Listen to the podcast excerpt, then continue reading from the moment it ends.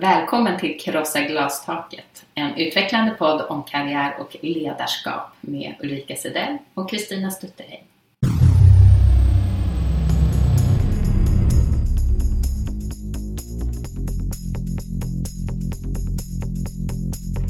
Och kvinnor ska då vara något annat, gärna supportfunktioner. Men mycket är väl att, de här, att det är mycket dubbla måttstockar på hur kvinnor och män behandlas. Mm. Att välja chef är ju fantastiskt viktigt. Prostitution och advokattjänster, det är liksom de äldsta yrkena som heller inte har förändrats. Men jag möter ibland kvinnor som får höra att men det kan du inte och den här liksom kompetenshierarkin, den är så full av så mycket bojor. Den sista grisen. Horace Engdahl. Hej Ulrika! Hej Kristina! Välkommen! Tack! Välkommen du också! Ja, tack, tack. Till podden Krossa glastaket. Ja, precis. Så himla bra på! Vad roligt att vara här! Ja, verkligen. Mm. Vad gör du nu för tiden i livet? Vad gör jag nu för tiden? Just nu är jag nästan väldigt precis bara några timmar sedan jag får säga, nej men igår kväll, det är lördag förmiddag. Igår kväll kom jag hem från Umeå och jag får nu faktiskt skämmas och säga att jag har inte varit i Umeå tidigare. Björkarnas stad? Ja, Björkarnas stad. Eh, Hade björkarna slagit ut? Det regnade och var grått. Men det uppvägdes av mitt trevliga möte med Umeå teaterförening. En av, eller till och med kanske den största föreningen inom Riksteatern. Eh, så jag hade en jättebra dag där mm. jag träffade eh, företrädare för den teaterföreningen. Mm. Härligt! Mm. Annars är du på väg till London. Jag är på väg till London, bara några dagar så mm. åker min son till London. Det ska bli fantastiskt. Vi ska gå på fotboll. Ah. Yes! Eh, så att jag ska heja på några olika lag där som vi ska se på. Det ska bli jättekul. Och möta din rädsla i... Ja, ah, herregud. Vi ska till sån här eh, park där man kan, eh, vad heter det, ziplines och man ska gå så här på höghöjdsgrejer mellan träd och så. Och jag har gett mig den på. Jag är verkligen höjdrädd. Har blivit mer och mer med åren. Jag ska klara det här. Mm. Vi får mm. se nästa mm. gång vi mm. spelar in så mm. vet vi om det var mer ord än uh, if I can walk the talk så att säga. Det vet vi att du kan Kristina. Det vet vi. Ja, men det är inom olika områden kan man säga. Så vad gör du nu för tiden då? Eh, ja, jag, jag packar. Ska ja, flytta. Ja, jag har en, jag håller på med det. Mm. Och så har jag en son som ska ta studenten mm. som jag håller på och joxar med. Och sen så håller jag på att förbereda lite. Jag sitter i en styrelsen för en förening som heter Fatt och mm. håller på att planera för Almedals aktiviteter där. Mm. Eh, när jag inte föreläser och gör annat, skriver mm. ny bok. Ja men det är lite mycket mm. just nu. Mm. Men nu får jag ju spela in podd. Ja, ja, ja det är jätteroligt, verkligen. Men eh, förutom att jag sitter här och spelar in podd så har jag ju också varit på demonstration. Ja, vilken mm. demonstration var det? Mm, jag tror att jag mötte dig. Ja. Eh, I alla fall via sociala, sociala medier. medier. Precis, det var så många människor där så att vi det var oerhört många. Jag, mm. eh, på dagen hade jag varit och föreläst för studenter kross, hur man krossar glastak och jag mm. kunde ju inte låta bli att nämna att det finns ju en väldigt stark symbol kring det här med krossa glastaket som vi alla får stå och se publikt. Sen är vi inte alla lika engagerade i att titta på men, men vi som är ser ju Svenska Akademin eh, lite grann rasa mm. eh, just nu mm. strukturellt. Mm. Eh, och det var ju skälet. Så på, när jag föreläste för studenterna så pratade vi en hel del om vad som pågick på Svenska Akademin. Mm. Och sen tog jag mig iväg till Gamla stan med en knutblus. Eh, och vi var många där, ja. både kvinnor och män. Mm. Eh, som stod och lyssnade och visade vårt ställningstagande. Mm. Det var jättehäftigt. Och det har ju varit mycket diskussioner mm. kring det här. Mm. Eh, för det var ju både politiker, näringslivet, och medborgare som mm. tog ställning på mm. olika sätt med mm. knutblusen. Det vart ju också internationellt spritt. Mm. Mm. Och en del som då, det blev ju mycket diskussion, vad är det man tar ställning mm. för? När man satte på sig sin knut, jag säger knutblus, jag heter en knytblus. Eh, och gick till Stortorget i Gamla stan. Eller man kanske inte gjorde det, men man eh, demonstrerade på sociala medier eller så. Och jag tror att du möttes av det jag också möttes av en del som sa nej men det här vet jag inte riktigt om jag kan ställa upp på. För jag vet ju ingenting egentligen om Sara Danius. Och är, är det, jag vet inte, är det en bra person eller så. Men det var Nej. inte riktigt det det handlade om. Nej, och det, det har blivit en, tycker jag, väldigt konstig diskussion. Nu till exempel var det en generaldirektör som fick gå från Försäkringskassan. Oavsett eh, vad det var anledning till, om det var fel eller rätt, det lägger inte jag mig i, för det kan jag inte, jag vet inte. Men symboliskt pratar man om, då kom det minsann inte några knytblusar eh, gåendes. Eh, henne backade man inte upp. Varför backar man då upp Sara? Och jag tror att det är jätteviktigt att titta på vad handlar det här symboliskt egentligen Mm. om? För i, i, väldigt få utav oss som stod där i Gamla stan känner ju Sara. Och tog nog hade någon personlig relation till Sara eller ställde upp för Sara. Eh, utan det här handlade ju om otroligt tydlig symbolik. Där det har pågått sexuella övergrepp under väldigt, väldigt lång tid. Vi vet att det skedde. Det är- vet ju som har följt media. Redan för 20 år sedan så kom det ett brev till Svenska Akademin om en kvinna som hade blivit utsatt. Och det noterade man men man gjorde inga åtgärder. Mm. Så att väldigt många har känt till. Och nu är det en person som beställer en objektiv utredning och vill ha det. Eh, öppna upp detta, det som pågår, göra det publikt, synligt och styra upp. Och den personen får lämna. Mm. Medan de som sitter kvar är de som har vetat om det. Just I alla fall delvis. Mm. Och det är ju den starka symbolen i Mm. det här. Mm. Att eh, det är inte okej. Nej, helt sant. Mm. Och den sista grisen då, som Mm. vi inledde med. Jag var, eh, stod i kö i en bokhandel häromdagen. Det var en kvinna före mig som köpte den boken. Mm. Det är ju Horace Engdahls bok. det. Senaste bok. Ja, senaste Mm. bok. Jag vet inte hur mycket böcker han har skrivit. Han har nog skrivit några stycken. Jag vet inte heller. Eh, har inte koll på det. Nej. Men eh, den hette i alla fall Den sista grisen. Och det är ju ett passande namn, Mm. eller hur? Även om man ju kan undra lite om det är den sista grisen. Mm, mm, eh, Så. mm. Men jag tycker det är lite roligt att tänka faktiskt på när du och jag planerade den här podden när vi började för gud, två år sedan nu typ, snart kanske. Eh, och vi gjorde vårt liksom draft på vilka olika punkter, vad ska vi ha Mm. med och så här. Då hade vi faktiskt planerat in att vi skulle ha varje gång en veckans Horace. Mm. För vi tyckte det fanns så mycket att gräva ur där. Mm. Men eh, ja, Mm. vi, eh, vi gjorde tyckte att det var lite elakt? Ja, vi tyckte det var Mm. lite Man ska inte elakt. sparka på den som Nej. Men eh, ja, Ja. just saying liksom. Ja, ja. Mm. Ja. Eh, men nu fick du komma med i alla fall, Horace, i detta, eh, detta avsnitt av Ja. podden. Ja. Mm. Och det, det finns mycket att lära utav eh, den sista grisen. Det finns ju många citat som har florerat. Det gör det. Ja. Och ju också, man har ju, jag säger inte att det var ett helt nytt ord, men det var ändå länge sedan och inte använts på det här sättet kanske länge, eller på länge som jag har hört, vivörliv. Ja. Ja. Eh, och det är ju inte något som eh, enligt Horace är eh, olagligt eller inte alltid heller ovälkommet. Mm. Det var hans sätt att prata om kulturprofilen. Sexuella trakasserier. Ja, precis. jag hade faktiskt aldrig hört. Jag var tvungen att slå upp Mm. ordet. Det är Mm. virörliv. Nej, vivör. Vivör. Så vi kommer från eh, liv och eh, så. Eh, men vivörliv. Så, Ja. Vivör. Ja, det var helt nytt för mig. Mm. Så det är en fin omskrivning Mm. kan man säga. Mm. Eh, som vi ska använda på andra sätt framöver tänker jag. Mm. Eh. Mm. Mm. Och han, han fick ju också frågan eh, om inte han hade känt till, för han är ju då, Mm. det vet vi att han är nära vän, det har han ju själv Mm. sagt Mm. i kulturprofilen. Någon som han såg upp till Ja, hyllat det som Mm. den sista gentlemannen Mm. och fick då frågan om han verkligen fortfarande tyckte det. Mm. Och eh, då nämnde han ju bland annat att vi grabbar talar inte om sex. Och eh, med anledning av det skulle jag vilja eh, faktiskt göra lite reklam för att eh, det finns ju en mängd nu aktiviteter i olika organisationer som har killmiddagar. Mm. Eh, det börjar med mig, eller våga tala om det. Mm. Där man faktiskt pratar om sex, relationer, känslor, tillkortakommanden. Mm.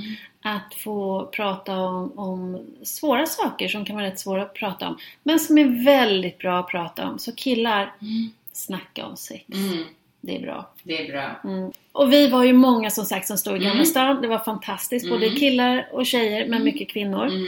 Och det här med kvinnokraft och att hämta kraft hos andra kvinnor. Mm. Har du läst någon studie? Ja men det har jag. Eh, jättespännande liten studie eh, och som där jag liksom lite rannsakade mig själv också Jag tror att jag har förändrat min syn lite de senaste åren. Men förut så kanske jag också var lite kring det här med att och man ska nätverka med kvinnor, eller man ska gå på konferenser just för kvinnor och så. Ja, ska man verkligen inte det? Är det inte alltid bättre att det är eh, blandat? Då måste man fokusera på det sättet och sånt där. Men där har jag ju redan tidigare ändrat mig att se att det finns massa kraft i det. Men så har jag också läst en studie nu som verkligen visar att det ger resultat. Mm. Spännande. Eh, ja, amerikansk sådan. Mm. Eh, en författare som heter Sean Aker Mm. eh, som hade varit och föreläst på en konferens som heter Conference for Women som är typ av konferensserie som finns i USA, vänder sig till kvinnor från alla branscher och eh, olika ställen i USA och så, så det är rätt bre- brett och blandat. Handlar om ledarskap och jämställdhet och liksom framgångshistorier och sådär.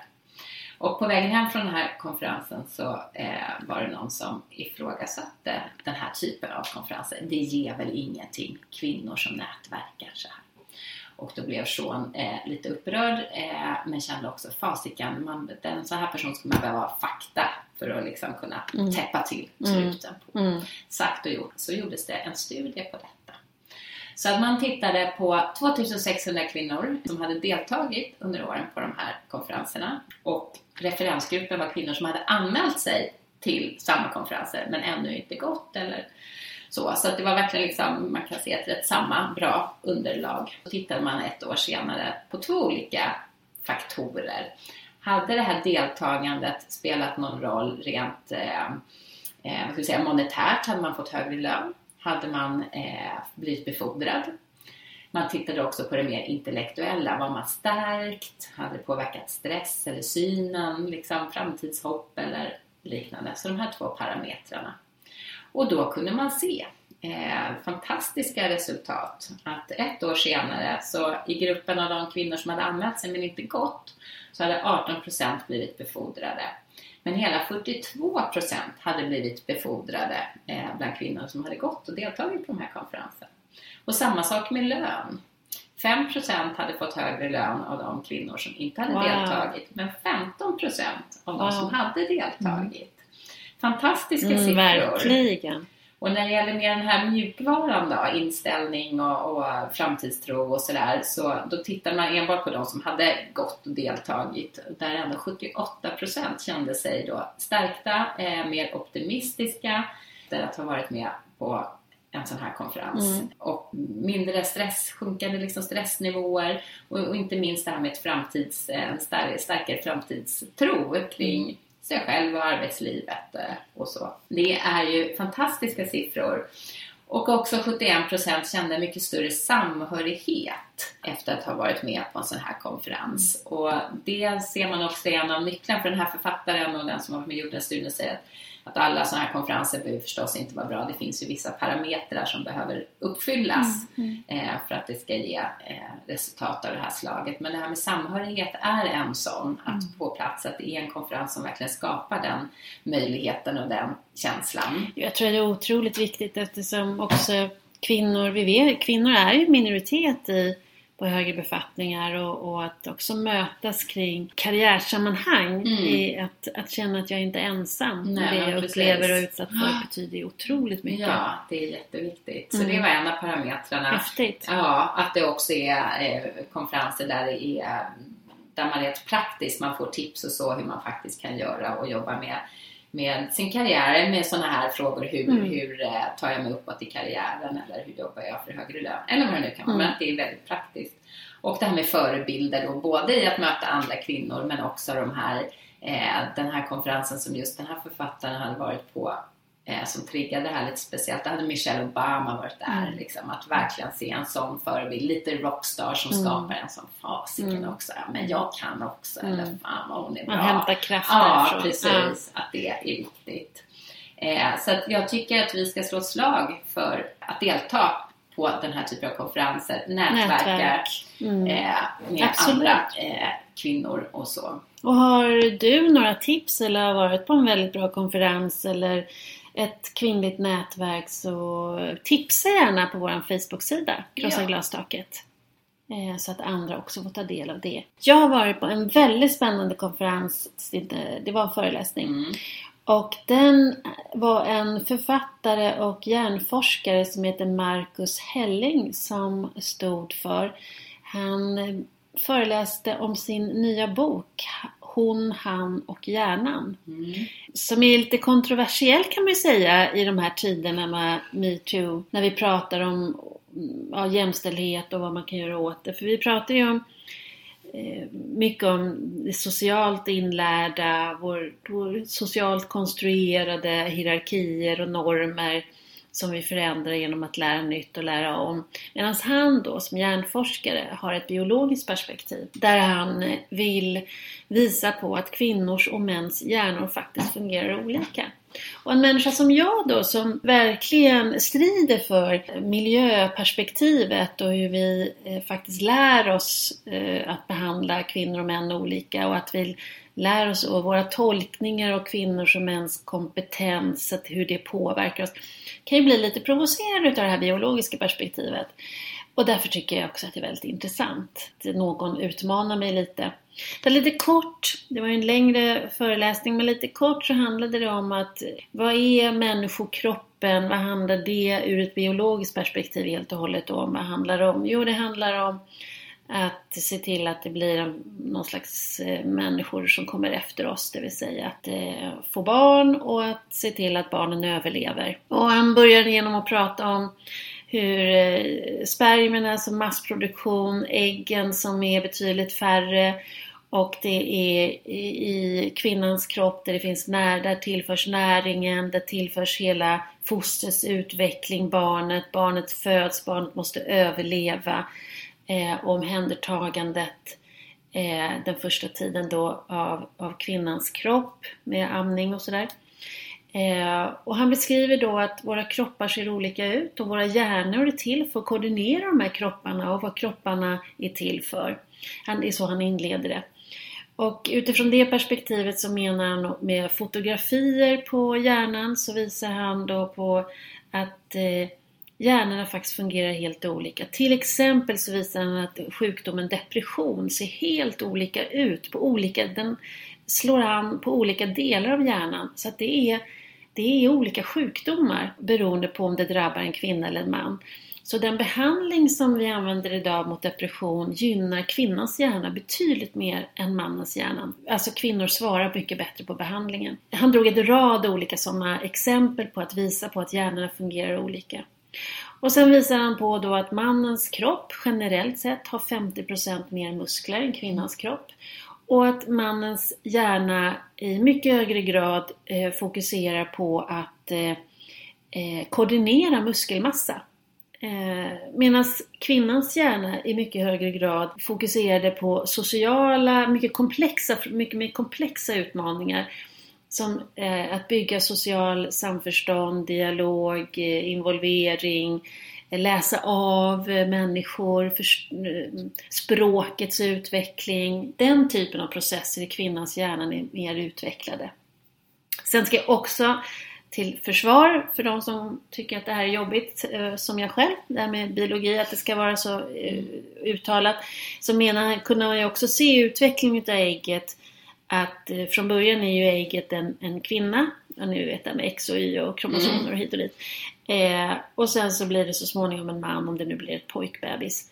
Eh, och graden av, av kvinna-man eh, ser väldigt olika ut. I, så man kan ju vara både och, man kan vara allt möjligt i, mm. i, i sin kropp.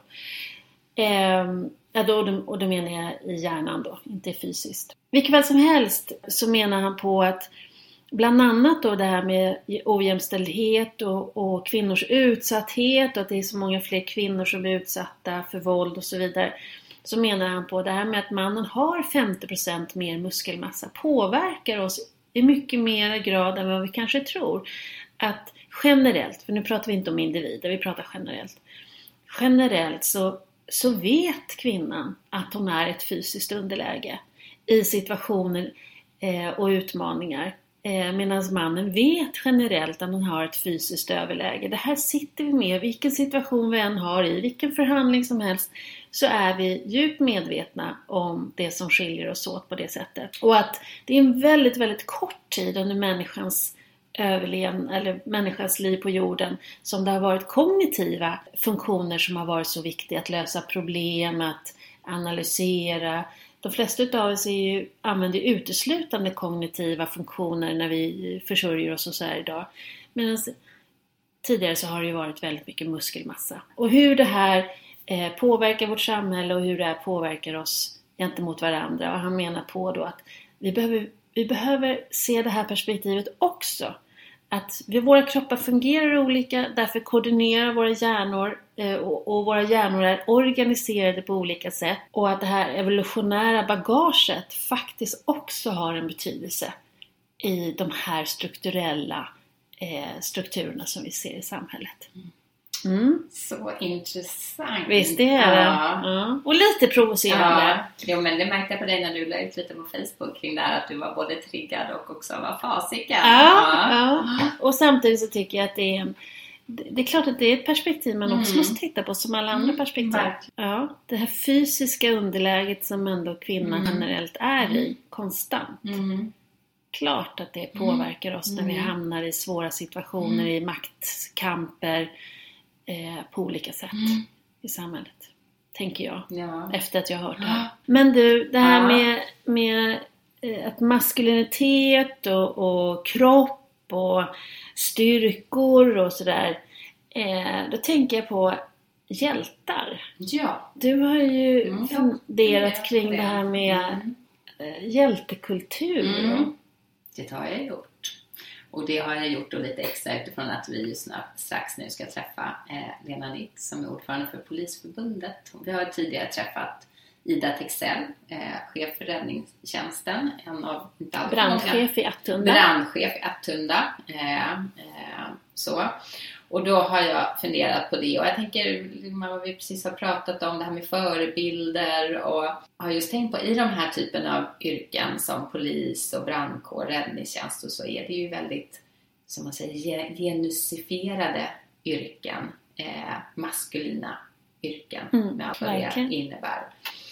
Där liksom bilden av yrkesutövaren är en man Eh, du tänker ofta på det när du tänker polis eller brandman eller så. Och att det här är också yrken som ju är på många sätt förknippat med, att, med en hjälte. Och en Mm. hjälte är ju oftast en man, stor, stark, som räddar oss och, eh, och världen. Liksom. Och hur sjutton tar man sig som kvinna in där? Uppenbarligen är det inte helt lätt kan vi ju se. Det är fortfarande få kvinnor relativt sett inom den här typen av yrken. Mm, Men verkligen. att hur ska man som kvinna komma in i den här manliga, starka gemenskapen eh, med allt vad det innebär av jargong och så vidare. Eh, något som är, och som är lite intressant att se, även här fanns det någon undersökning att, att när man tittar på människor liksom ombeds prata om hjältar rent generellt, Mm. då är det ofta män man eh, exemplifierar med. Men om man pratar om hjältar i vardagen, i ens eget liv eller så, då blir det mer 50-50. Då ser man både män och kvinnor. Men liksom på den här lite större kartan, då är det, då är det män. Eh, jag såg också att efter eh, 9-11 eh, då i USA så eh, fick media rätt mycket eh, bashing efteråt därför att eh, där lyftes ju männen fram, de som Mm. hade jobbat just då med räddning i räddningstjänsten. Så det fanns många kvinnor också. Men här pratade man mer om det, man visade bilder på män och det var liksom firemen, inte firefighters och så. Bilderna man ly- lyfter upp och som ju liksom cementerar bilden av en yrkesroll eller vem är det som är hjälten i den här historien. Mm. Och att eh, inte alltid då så passar de här andra, att det finns andra hjältar Mm. eh, passar in. Så det här tycker jag är, är lite spännande. Det, ja, det är jättespännande. Jag jobbar ju en hel del i branschen nu med vad händer efter metoo och hur kan vi jobba vidare. En hel del handlar om att göra upp med de här Mm. eh, kulturen, grabbkulturen eller hjältarna. Mm. I, I räddningstjänsten så har man ju en symbol för hjälten. Det är ju inte överallt men det finns ändå en, en bakgrunds liksom, bild av den vite mannen med rutor på magen som kliver ur det brinnande huset Just med en det. kvinna på ena armen och ett barn på andra armen. Vi jobbar med kyrkan, kyrkoherden är en, det är ju en äldre vis man med grått skägg, reslig, fadersfigur. Eh, advokaten, eh, en, en, också en trygg som, som ser till att det här, ror det här fallet Mm. i land. Mm. Eh, att det här med styrka och stor och hålla om och skydda, att det finns där i vårt hjälteperspektiv. Och det är klart, det är klart att det här är någonting man behöver göra upp med eh, om man ska förändra kultur och prata jämställdhet. Att få syn på det här och synliggöra det. Och det visar också genusforskningen att en del att, att förändra den här kulturen och inte stigmatisera den är ju just att börja prata om vilka hjältar har vi faktiskt i vår kultur, hur ser de ut? Och, att syn, och visa på våra andra hjältar, Mm. faktiska, att det finns en symbol men det finns också en väldig massa faktiska Mm. hjältar att titta på, finns det gap här? Just det. Viktigt. Mm. Och det tror jag att det är en person som har gjort som vi ska träffa. Ja, det eh, stämmer bra. Vi ska som sagt träffa eh, Lena Nitz, Mm. ordförande för Polisförbundet. Jurist i grunden, Mm. eh, men sen sadlade om, eller byggde på kan man väl säga, med att bli polis som hon tyckte inkorporerade eller omfamnade mycket av det hon ville, ville göra även som jurist. Eh, så hon har jobbat som polis, har jobbat som närpolis och som brottsutredare. Eh, hon har också varit jämställdhetshandläggare Mm. och varit fackligt engagerad eh, under hela sin tid som polis. Eh, Mm. Men är numera då ordförande för Polisförbundet. Och henne fick vi träffa eh, för ett litet tag sedan på Polisförbundets kontor här i Stockholm.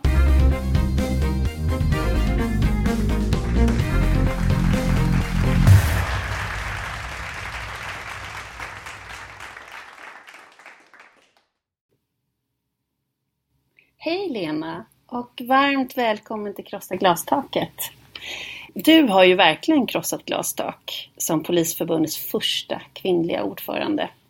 Och vi ser jättemycket fram emot att få prata om det här med dig. Men först, vad är det mest lustfyllda beslutet du har tagit de senaste veckorna? Ja, det mest lustfyllda eh, beslutet jag tagit det var nog när vi sa ja till vårat löneavtal, vilket inte är så, är så kanske förvånande för en, en fackordförande att säga ja till ett löneavtal. Även om det har varit komplicerat så är det någonting som är väldigt viktigt för oss i framtiden.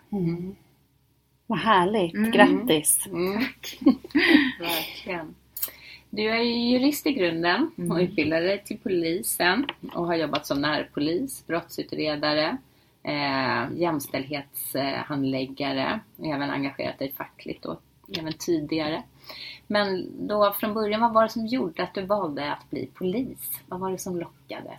Det var nog flera saker. Alltså, jag tänker att eh, när jag gick ut gymnasiet och då skulle välja liksom, inriktning på mitt arbetsliv så sökte jag till, till psykologlinjen faktiskt och till juristlinjen. Och om jag inte kom in på någon av dem så skulle jag göra lumpen. Alltså de tre hade jag bestämt mig för. Jag var intresserad utav av alla tre och så kom jag in på juristlinjen. Mm.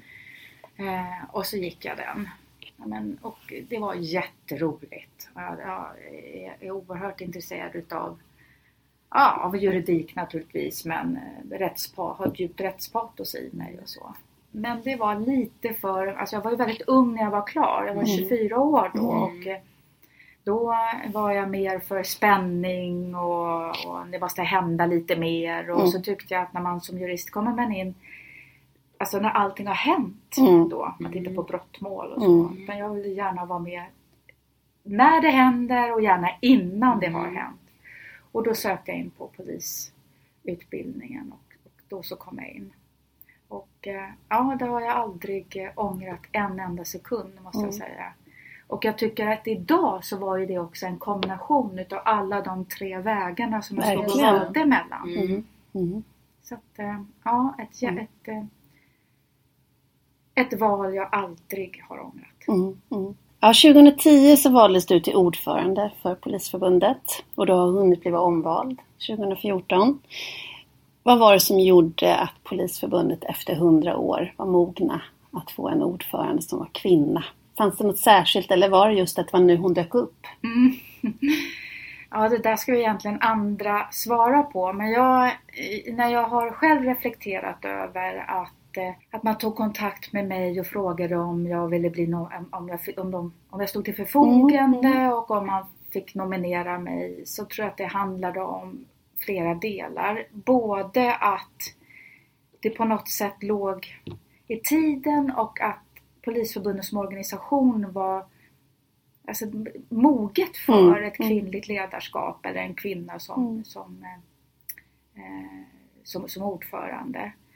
Sen var det också så att det hade varit stridigheter inom förbundet och eh, där jag då jobbade som ombudsman här Mm. eh, ändå hade hållit mig väldigt neutral. Alltså man, man visste att eh, jag inte var färgad utav någonting. Eller, Kunde ena. Alltså, ja, Mm. kunde ena. Hade, alltså var inte, och man också kunde lita på att jag inte skulle för, för, alltså, ge fördelar till någon eller att jag stod väldigt stark och stabil i att, att föra förbundet framåt och också kunna ena alla att hjälpas åt och bidra. Eh, Och det tycker jag också är en av de stora, alltså eh, eh, en utav det som jag är mest nöjd med efter de här snart åtta åren då på den här posten. När du fick förfrågan om du skulle stå till förfogande, tvekade du någonsin? Fanns det... Ja, jag tänkte nog mer så här att eh, det här är en position som är, som det, det, det, är, det är en maktposition. Eh, och eh, jag har alltid funderat och reflekterat över att jag tycker att makt och pengar gör någonting med en människa och oftast negativt med en människa och, och förändrar den. Och det eh, vad jag, har jag också sett tycker jag på, på nära håll och jag tycker också att man kan se det liksom i, i omvärlden och så. Och där, det var nog mest det som jag faktiskt funderade på. Hur ska jag göra för att fortfarande vara jag och behålla m- mig själv och, och sådär. Och det gör jag på olika sätt. Jag har ju nära vänner då som faktiskt eh, säger till mig riktigt på skarpen om, det, om de tycker att jag drar iväg någonstans. Och sen så ehm, brukar jag titta mig själv i ögon, väldigt djupt i ögonen för att se, att försöka se, alltså är, jag är fortfarande jag. Eh, och det gör jag två gånger om dagen. Och det är när jag borstar tänderna. Mm. Så det, är, Morgon det är och oftast då man ser, ser, står framför spegeln och gör det då. Så, Mm. ja, eh, det var nog den största, eh, alltså det som jag var mest noggrann med och familjen förstås. Mm. Jag var ju också småbarnsmamma då. Okej. Ehm, och familjen behövde jag ha med mig. Och vi försökte också sätta in oss i hur mycket, vad kommer det här att innebära? Mm. Hur mycket Mm. arbete kommer det bli? Hur stor press kommer det bli på Mm. familjen? Mm. Så de två delarna var väldigt viktiga för mig. Men alltså lusten, viljan, Mm. kraften att få Mm. liksom komma på den här posten. Den, Mm. den hade Den jag ingen. fanns. Ja, den Ja, fanns. där var det Ja, nej. tvekan. Nej. Vad, det är åtta år nu då snart. Eh, vad har varit de absolut, eller har någon av de största utmaningarna?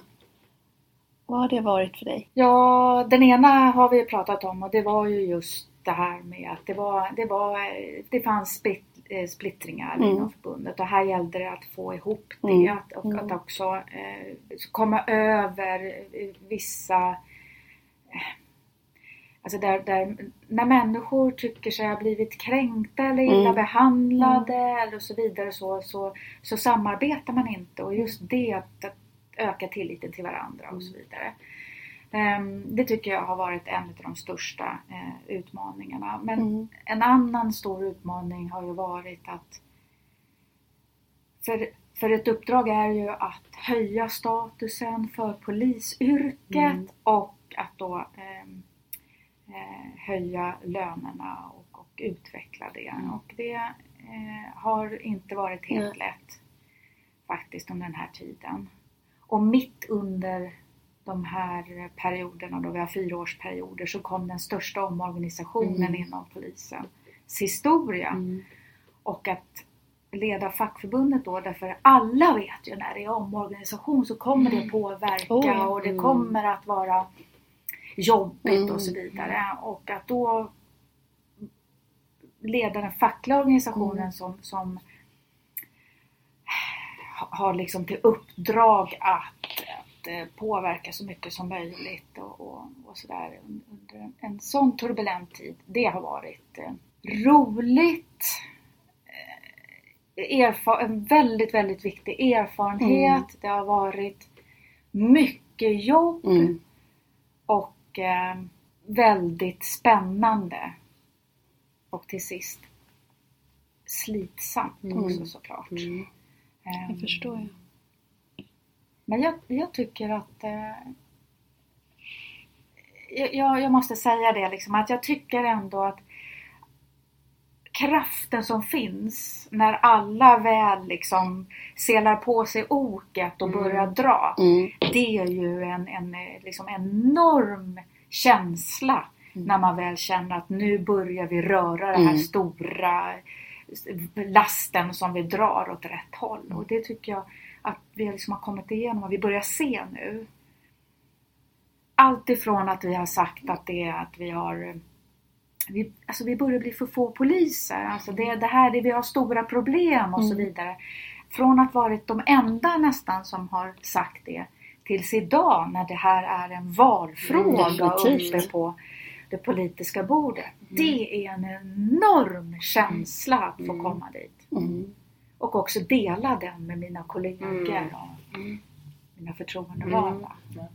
Mm. Jätteroligt. Det är en framgång. Mm. Ja, verkligen. Och Mm. den, den, den ska man tillåta sig att få eh, liksom att få glädjas åt. Så. så riktigt roligt. Mm. Säger jag nu när man Mm. ser lite ljuset i tunneln. Mm. Sen har det ju varit, eh, alltså all, alla utmaningar har ju sina sina baksidor också Mm. såklart. Absolut. När du blev vald då till ordförande som ändå första kvinnliga, mötte du något motstånd? Vi har till exempel intervjuat, men ibland blir det tufft att vara den första. Vi Mm. träffade Anna Kinberg Batra i höstas, första kvinnliga partiledaren för Mm. Moderaterna. Och, och vi pratade om det. Hur, hur har det varit? Och hur var det när du blev vald? Ja, där måste jag nog säga att det var nog så att Polisförbundet hade bestämt sig för att, alltså att tiden var, var mogen för ett nytt ledarskap. Sen var det ju så att det fanns ju, just där då 2010 så fanns det ju andra intressenter också. Eh, men att eh, det, alltså det var en enig valberedning och det var också ett, ett, ett enigt eh, kongressbeslut. Mm. Och har man det i ryggen så är man ju också väldigt stark. Mm. Alltså organisation, man blir aldrig starkare än vad organisationen Mm. gör en. Och jag tycker att där gjorde Polisförbundet mig stark. Det var en Mm. väldigt bra start. Mm. Ehm, Men sen är det ju naturligtvis så att det alltid finns krafter som gör att ehm, eh, Alltså som gör att man stöter på problem. Och, jag vet att inför ehm, kongressvalet då så, så pratar man ju om mitt, alltså mitt utseende. Mm. Alltså det, det, det är ju traditionellt att man gör det. Jag var då då var jag väldigt vältränad och så.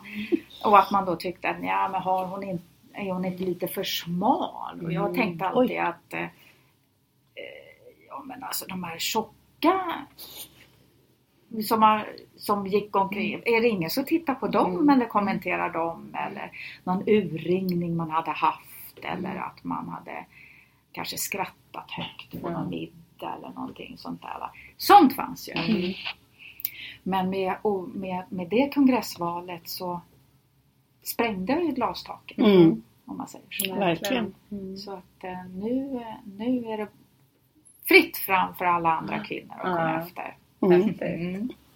Och apropå det med kvinnor överhuvudtaget, om man tittar tillbaka på det här med polisyrket så i var det, början av 1900-talet då, då kallades det polissystrar Mm. och det, man hade väl en viss stödjande funktion och så. Och att det var först 1958 Mm. som det kom kvinnliga utbildade poliser. Så det är egentligen en rätt kort historia. Mm. Men hur är det, vad är din bild och från dina medlemmar? För nu är inte du aktiv polis längre. Men vad, vad är det att vara kvinna och vara polis idag? Hur ser det, hur ser det ut skulle du säga? Jag, jag tror att det inte har kanske sen jag själv eh, gick in ändrats sådär just jättemycket när det gäller det. Därför att det, där känslan är ju att man är jämställd Mm. i början. Mm. Och jag tror att ju längre man kommer i karriären eller ehm, eh, ju, ju längre man har jobbat så upptäcker man att det, är, att det finns olika syner på kvinnligt och, och manligt. Ehm, jag kommer ihåg själv att jag jobbade i en arbetsgrupp på, när jag var närpolis med bara män och så var jag själv tjej där och då eh, och var väldigt eh, vad ska man säga, ja, alltså omtyckt och, och så vidare. Men när jag arbetade med de killarna så, så kunde de ju ibland fälla kommentarer som att jag känner mig osäker att jobba med en, tjej därför att eh, de är ändå, alltså om det händer någonting mm. så är man ju ändå, så är ju de ändå svaga. Mm. Inte du Lena! Nej. Nej. för dig vet vi ju vad vi mm. har och dig vet vi okay. att du klarar av det så. Men andra, mm. också där tänker jag att så är det nog att de kvinnor man jobbar med mm. de, de litar man fullt upp och mm. vet kapaciteten och så vidare. Men det finns fortfarande kommentarer tyvärr som handlar just om om, om till syvende och sist då, vad klarar man av att brotta ner någon mm. om det liksom ställs på sin spets och så vidare. Jag brukar säga att jag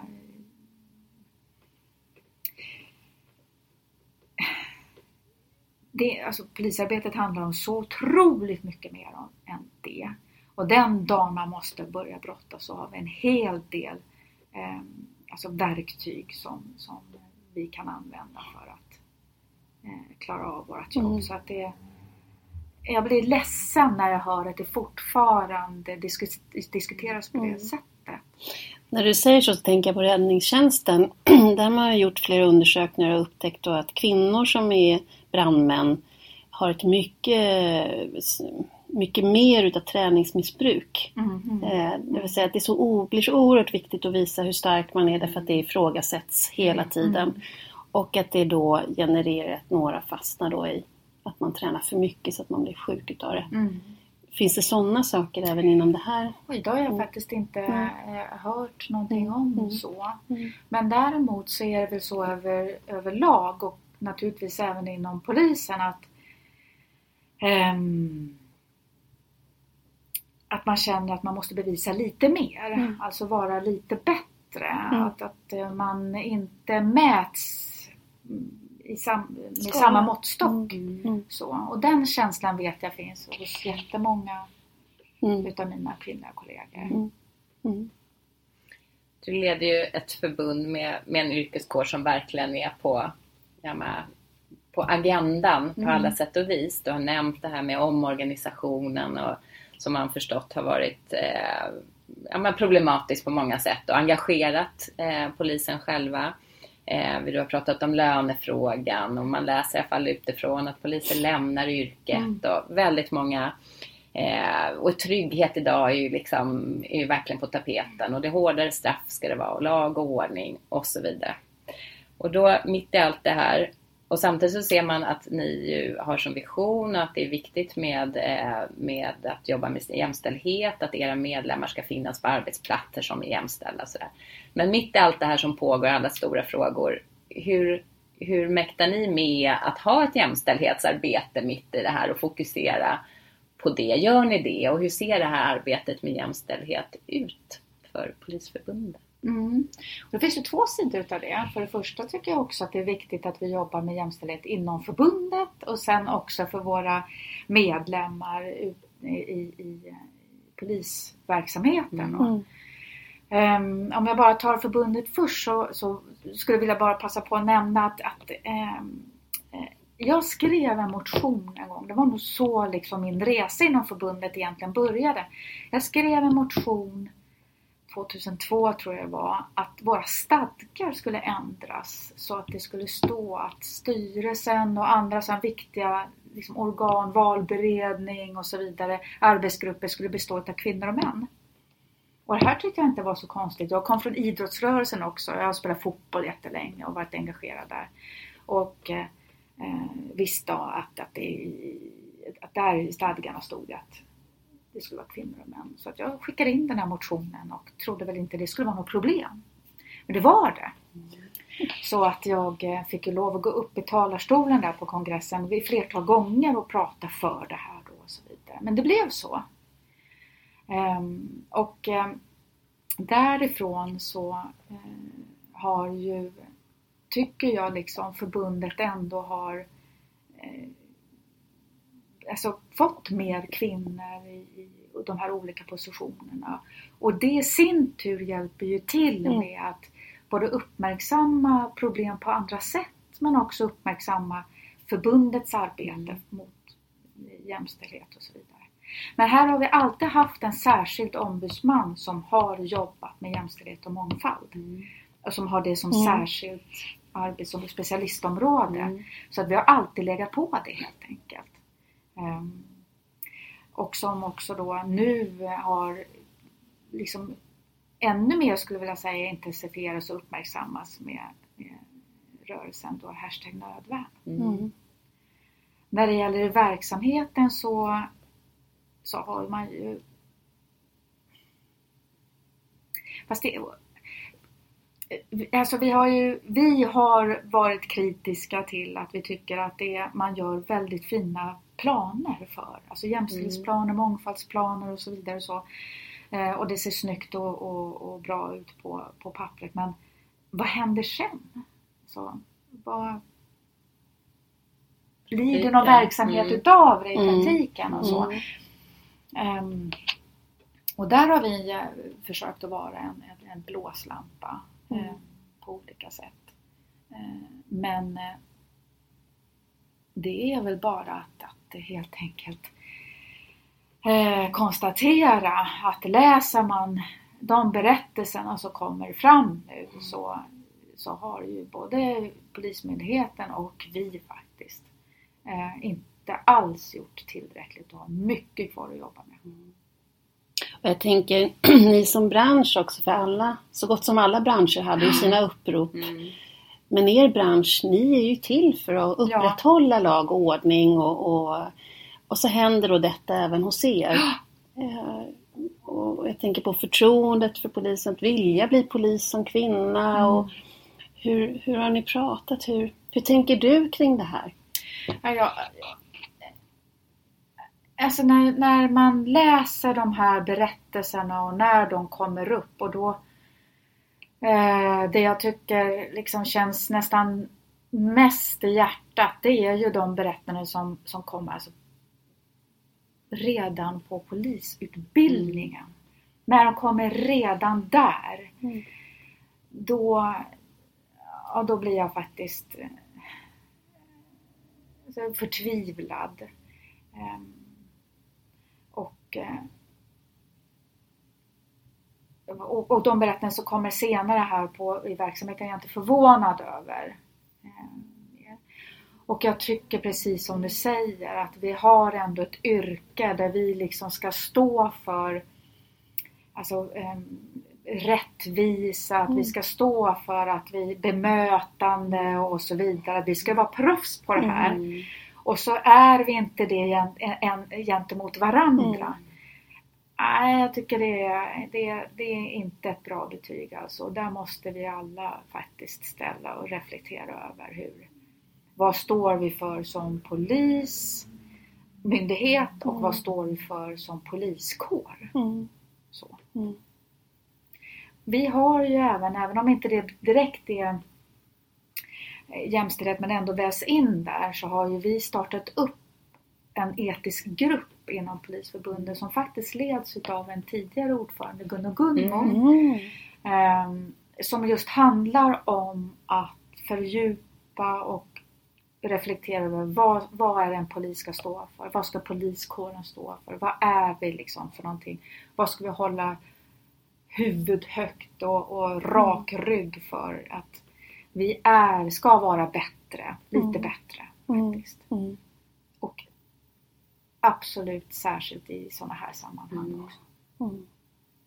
Jag tänker också som i alla andra branscher att ge verktyg till ledare också som uppenbarligen inte har agerat. Chefer. Ja. Att det, är, det, är, det, är, det är svårt, det visar annars skulle vi inte ha det på det här sättet Nej. i så många branscher.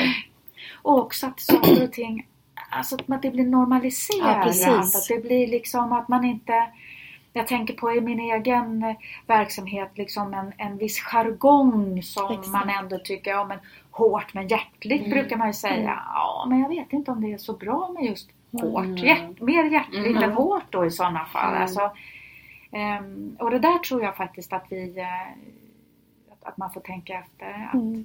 jargongen i sig inte, all, inte är positiv egentligen.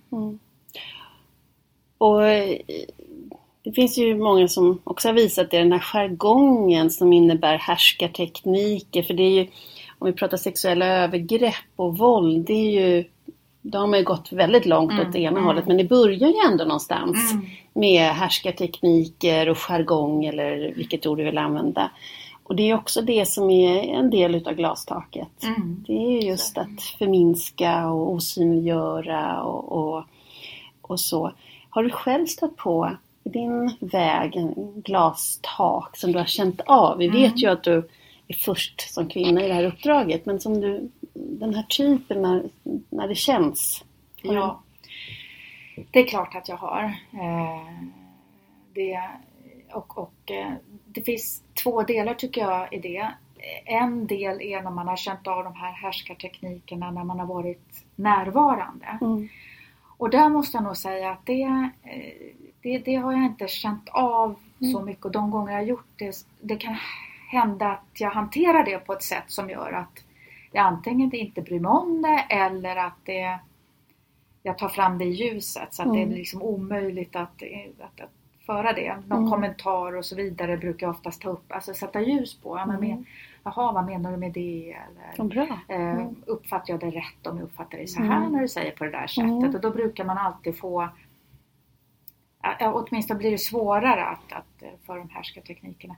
Det jag tycker är svårast och som jag tror gör mest skada egentligen, Mm. det är de situationer när man inte är där. Mm. Det vill säga när man pratar om mig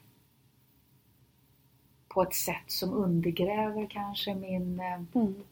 Position Mm. eller undergräver alltså min, eh, min person eller det Mm. arbetet jag gör och så vidare. Eh, och, och det är också ett sätt att Oh. stöta på Mm. glastak och Mm. mycket, mycket svårare att hantera. Mm. Eh, och det eh, skulle jag nog vilja säga att det stöter jag nog på mm, ja, alltså kontinuerligt. Mm. Hur, hur, hur märker du det? Hur kan en sån situation, om du skulle beskriva en fiktiv eller någonting som hände för länge sedan, liksom, hur skulle en, om du kan exemplifiera och hur du hanterar det? Mm. Alltså det...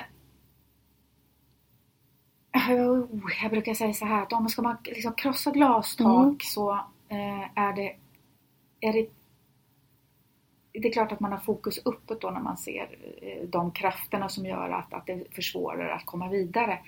Men nästan ännu viktigare det är att ha en stabil grund att stå på och ta sats ifrån liksom, när man ska trycka uppåt. Och den stabila grunden handlar ju om att ha alltså, b- bra, schyssta vänner omkring sig. Eh, eller med, alltså medarbetare som, som säger till när sådana saker händer. Som berättar Mm. när det är, som säger ifrån där Mm. och då. Och som, eh, ska man säga, står upp för det för det som jag står för Mm. i de situationer Mm. när jag inte är där. Mm. Alltså, som stöttar när jag inte är där. Mm. Det är ett bra sätt Mm. att ändå klara sig Mm. vidare. Eh, Eller att, att klara av de situationerna. Men det är klart, det är alltid så att, att eh, en del personer vill inte samma sak som jag. Såklart. Och Mm. då för att, eh, för att få sin sak Mm. fram så, eh, och de, deras argument har tagit slut. Då är ju nästa del att gå på Mm. personen för att försvaga den, dennes kraft att Mm. genomföra det. Alltså det, är så, det finns en mekanism och systematik i det där som jag tror att man är, ska vara ja, uppmärksam eller medveten om.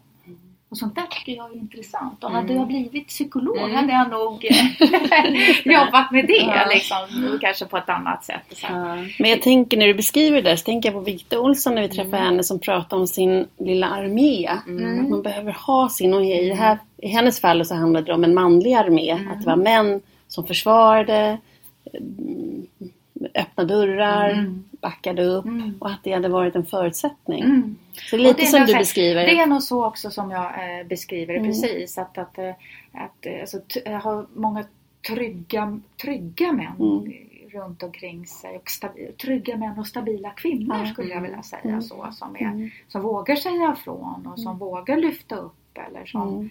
eh, och så vidare. Och det måste jag också säga, alltså, det handlar även om den tryggheten man får från familjen. Mm. Därför att de män som man lever med måste också vara trygga Mm. för att faktiskt eh, så klara av att Mm. ha en, en kvinna som är van att få sin vilja igenom. Mm. Det är inte alltid man får hemma. Men... Nej, det är, jag delar din uppfattning fullt ut. Ja, nu blev du ju inte poli, eller, eh, psykolog utan Nej. polis och nu framförallt är du då eh, förbundsordförande. Och jag läste en intervju att du sa att jag har världens roligaste jobb. Sorry alla andra, men det har jag faktiskt, sa du där. Vad är det idag som gör att det är så roligt? Mm. Men först tycker jag det är just det här med att man får, alltså som polis jobbar man ju med att, att, att, att, att hjälpa, skydda och ställa till rätta vi säga. Liksom, Det är de liksom, kärnvärdena som, som ett, ett polishjärta verkligen slår för. Och att då få hjälpa och förtroendet att få hjälpa och stötta sina kollegor. Det är, det är en, en av de absolut finaste utmärkelser som jag tycker att jag har fått i, i, i livet. Så. Och det som är roligt det är ju när man just kan påverka. Man känner att det vi jobbar för ändå får genomslag. Att vi, och vi tror ju verkligen på att den väg som vi vill gå med att utveckla polisyrket eller verksamheten och så vidare är, eh, bidrar till en bättre eh, polis. Eh, Det är ju det som, som, som gör att det är oerhört roligt att gå upp på morgonen Mm. liksom, och man nästan tycker att det är lite tråkigt när man känner sig trött på kvällen och måste gå och lägga sig. Att det ger så mycket energi att få vara eh, att, att, få vara, att få hjälpa och skydda och ställa till rätta för sina kollegor. Mm. Mm. Det eh, tycker jag är, är... Man får vara med om så mycket också. Mm. Allt ifrån eh, de, de vardagliga situationerna när, när kollegor eh, ringer och frågar så eh, Alltså min, min, eh, min skyddsväst passar inte liksom. Vad gör ni åt det liksom? För att jag kan inte gå i den här imorgon när jag ska på, på passet. Mm. Till att, att eh, försöka påverka regeringen att ge mer resurser till polisverksamheten. Så Mm. att det, ska bra. det är en enorm spännvidd Mm. tycker jag Mm. som, som vi har att hantera. Och Polisförbundet är stort inom polisen men vi är ett litet förbund alltså, om man Mm. jämför med de stora Mm. drakarna. Och med de resurserna som vi har här då får alla göra allt. Går kopieringsmaskinen sönder här utanför och, Mm. och det är jag som har liksom fått Mm. papperstrassel. Då är det jag som får lägga mig ner och försöka skruva bort, alltså Mm. ta bort Mm. det där. Mm. Så här är jag liksom också det jag tycker om när vi alla gör Mm. allt. Mm. Vi gör det tillsammans. Ja, verkligen. Ja, verkligen. Mm. Alltså det, det brukar man säga, och det vet alla poliser också, att polisarbete är, liksom, det är verkligen teamwork. Mm. Så. Och det är fackligt arbete också. Verkligen teamwork. Jag är en lagspelare. Jag tycker att det är roligt. Mm. Ja. Härligt. Ja. Vi ska börja avrunda eh, och då tänkte vi höra lite bara så här, vad skulle du vilja ge för råd till unga på väg ut i, i arbetslivet eller val inför vad de ska plugga och sådär. Men när du liksom ändå tittar lite tillbaka och allt vad du har med om och från den plattform du står idag, vilka råd skulle du vilja ge andra? Nu har jag två eh, barn som ska ut här, 19 och 17 med mm. så börjar ju diskutera så. Mm. Och, och alltså det jag säger det, det första jag säger så här det är att man behöver inte bestämma sig så tidigt egentligen utan att jag tror att det är bra att, att man, man provar på och känner av. Mm. Eh, Men har man inte funderat på att känna av polisyrket, då tycker jag att man ska göra Mm. Att bara, alltså, alltså, för att det här är ett jobb som är enormt varierande och, och eh, både spännande, farligt också kanske lite så. Det finns ju liksom det också. Men en sån enorm tillfredsställelse när man känner att man har gjort lyckats liksom att, att hjälpa någon som har varit i nöd. Alltså det är lite utav en sån här, vad heter det, Stålmannens eh, Mm. Mantel. mantel Mm. på där. eh, Så, som, gör, som man tycker är, Superkrafter. ja, är, är, är, fan, är en fantastisk känsla att, att eh, ha i kroppen. Så. Mm. Och det är en, en samhörighet Mm. inom polisyrket som, som vi eh, som jag tror det är få förunnat att ha. Mm. Man kommer väldigt, väldigt nära sina kollegor. Mm. När man läser om dig eh, och även när man träffar dig så får man ju verkligen bild av att du brinner för det du gör och du är engagerad och du har uppenbarligen valt, valt rätt. Eh, så, och väldigt trygg i ditt ledarskap. Så vad skulle du säga där lite avslutningsvis? Vad är nycklarna i, i ledarskapet eh, 2018 och framåt? Vad har du, vad har du hittat och vad, vad vill du skicka med där? Mm. En, en erfarenhet som jag har gjort och, och som jag, som jag eh, tycker faktiskt var ganska häftig. För det var, jag, jag hade nog eh, och har haft en längre tid i mitt ledarskap att jag har trott att det är jag som ska sitta inne med alltså, de rätta svaren eller de kloka idéerna eller och så vidare. Och så där. Men det jag, eh, det jag tycker är häftigt det är ju eh, när när man löser just liksom problemet tillsammans. Att, att det finns så många runt omkring mig som har så många, mycket bättre idéer än vad jag har. Och att min roll egentligen har varit att, att, äh, liksom att få varje person att, att, att, kunna, att, att få fram de idéerna och också då sen väva ihop det till en linje eller, eller till ett mål och så vidare. Att få Alltså andra i laget att göra att, att verkligen få fram det de är bäst på. Så. Det tycker jag har varit en erfarenhet. Att det är inte jag som sitter inne med det. Utan att det är faktiskt de runt omkring mig. Och varje gång någon kommer med liksom en idé som jag tycker så här, "Ja, det här är fantastiskt. Varför kom, varför kom inte jag på den då? Liksom? Vad, vad, hur tänkte jag nu? Varför kom jag, var, jag har inte ens tänkt på det där. Mm. Det tycker jag är så himla häftigt Mm. Mm. och roligt. Och det Mm. tror jag också att, att eh, medarbetarna runt omkring mig tycker Mm. också att det är liksom, eh, häftigt att jobba på det sättet. Mm. Ja, det är mycket jag inte kan fortfarande som jag tycker är, är så roligt att fortfarande liksom lära mig och Mm, också mm. bli imponerad utav de som jag har runt omkring mig. Mm. Mm. Ja, Mm. Så att göra tillsammans är en liten röd tråd i flera att saker inte, pratat om. ja, Mm. och att, att, att, att inte både att inte att man lägger på sig Mm. de kraven själv Mm. att, man, att man ska ha veta det mesta Mm. eller vara mest klok och så vidare och så. Eh, utan att, att, eh, att, att, man, att veta och vara trygg i att man eh, kan släppa fram man behöver inte alltid gå främst Nej. när man, när man jobbar framåt utan att man också kan vara så trygg i att släppa fram andra som går faktiskt framför ibland också. Och man kanske är den som Står längst pushar på lite grann. Ja precis, va? att man kan förflytta sig i Mm. här Mm. Eh, ledet. Det beror på alldeles på. Ibland måste man ju stå Mm. främst. Mm. Fast man har ju trygg att kunna Mm. även gå nästan sist och samla Mm. ihop då. Mm. Så nu kommer vi alla med Mm. framåt åt det hållet. Det tycker jag är att ett, ett, ett tips eller så. Att, Mm. att inte lägga alla kraven på sig själv.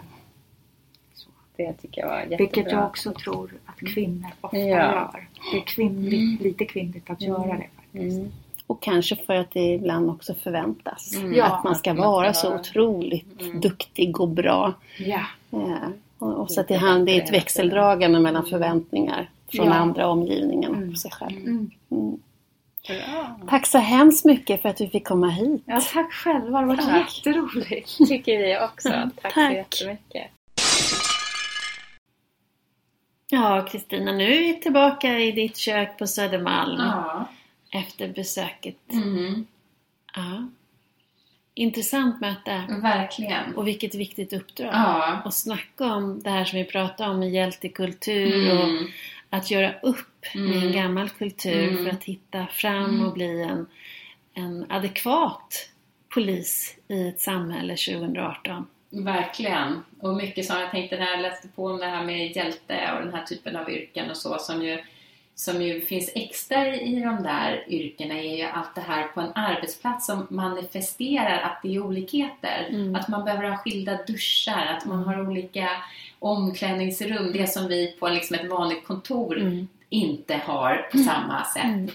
Den där är ju också lite intressant. vad Som bidrar och upprätthåller. Och upprätthåller också på det sättet, det finns olika begrepp när man tittar på gender och hur man gör den analysen på arbetsplatser bland annat. Då brukar man prata om ett begrepp som heter homosocialitet. Mm. Och det är att män söker sig till män, män bondar, eh, man, man eh, speglas i varandra, man hänger ihop, man beundrar varandra, man gör varandra tjänster. Om du backar upp min idé så backar jag upp din idé. Det är homosocialitet.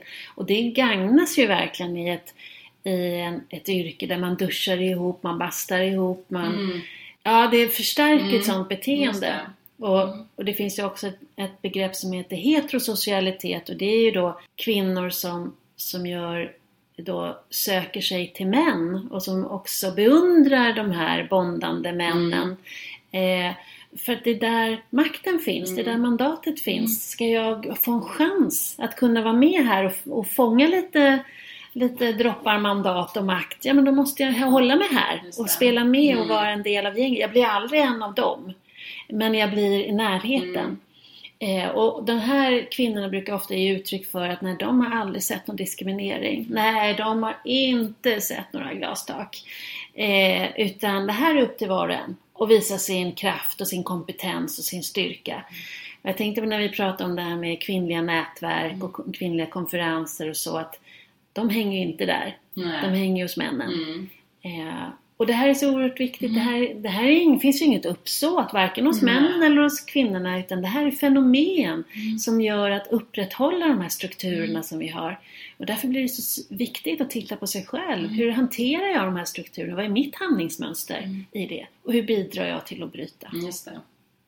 Och det här var jättespännande. Vi ska snart runda av och det finns mycket att prata om här. Men eh, eh, kring detta med, vi har pratat om muskelmassa. Mm. När man då eh, frågar allmänheten vad de tycker är viktigast i till exempel om man jobbar som eh, brandman eller inom räddningstjänsten. Då är det med liksom styrka, eh, muskler måste vara det viktigaste för att vara bra i det jobbet. Men eh, när man frågar själva utövarna då är det ju inte det. Utan det är samarbetsförmåga, det är andra andra saker. Men Verkligen. de här bilderna som inte riktigt Absolut. går ihop med Och de bilderna gör ju också att till exempel inom just räddningstjänsten så har ju kvinnor i högre grad träningsmissbruk än i andra Mm. branscher till exempel. För att just visa styrka. Ja. Mm. Och där ser man ju olika olika Mm. branscher. Men, ja. Mycket spännande att få reda på mer hur det sker inom polisen. Och Yes. vilket gigantiskt arbete som Polisförbundet gör. Verkligen.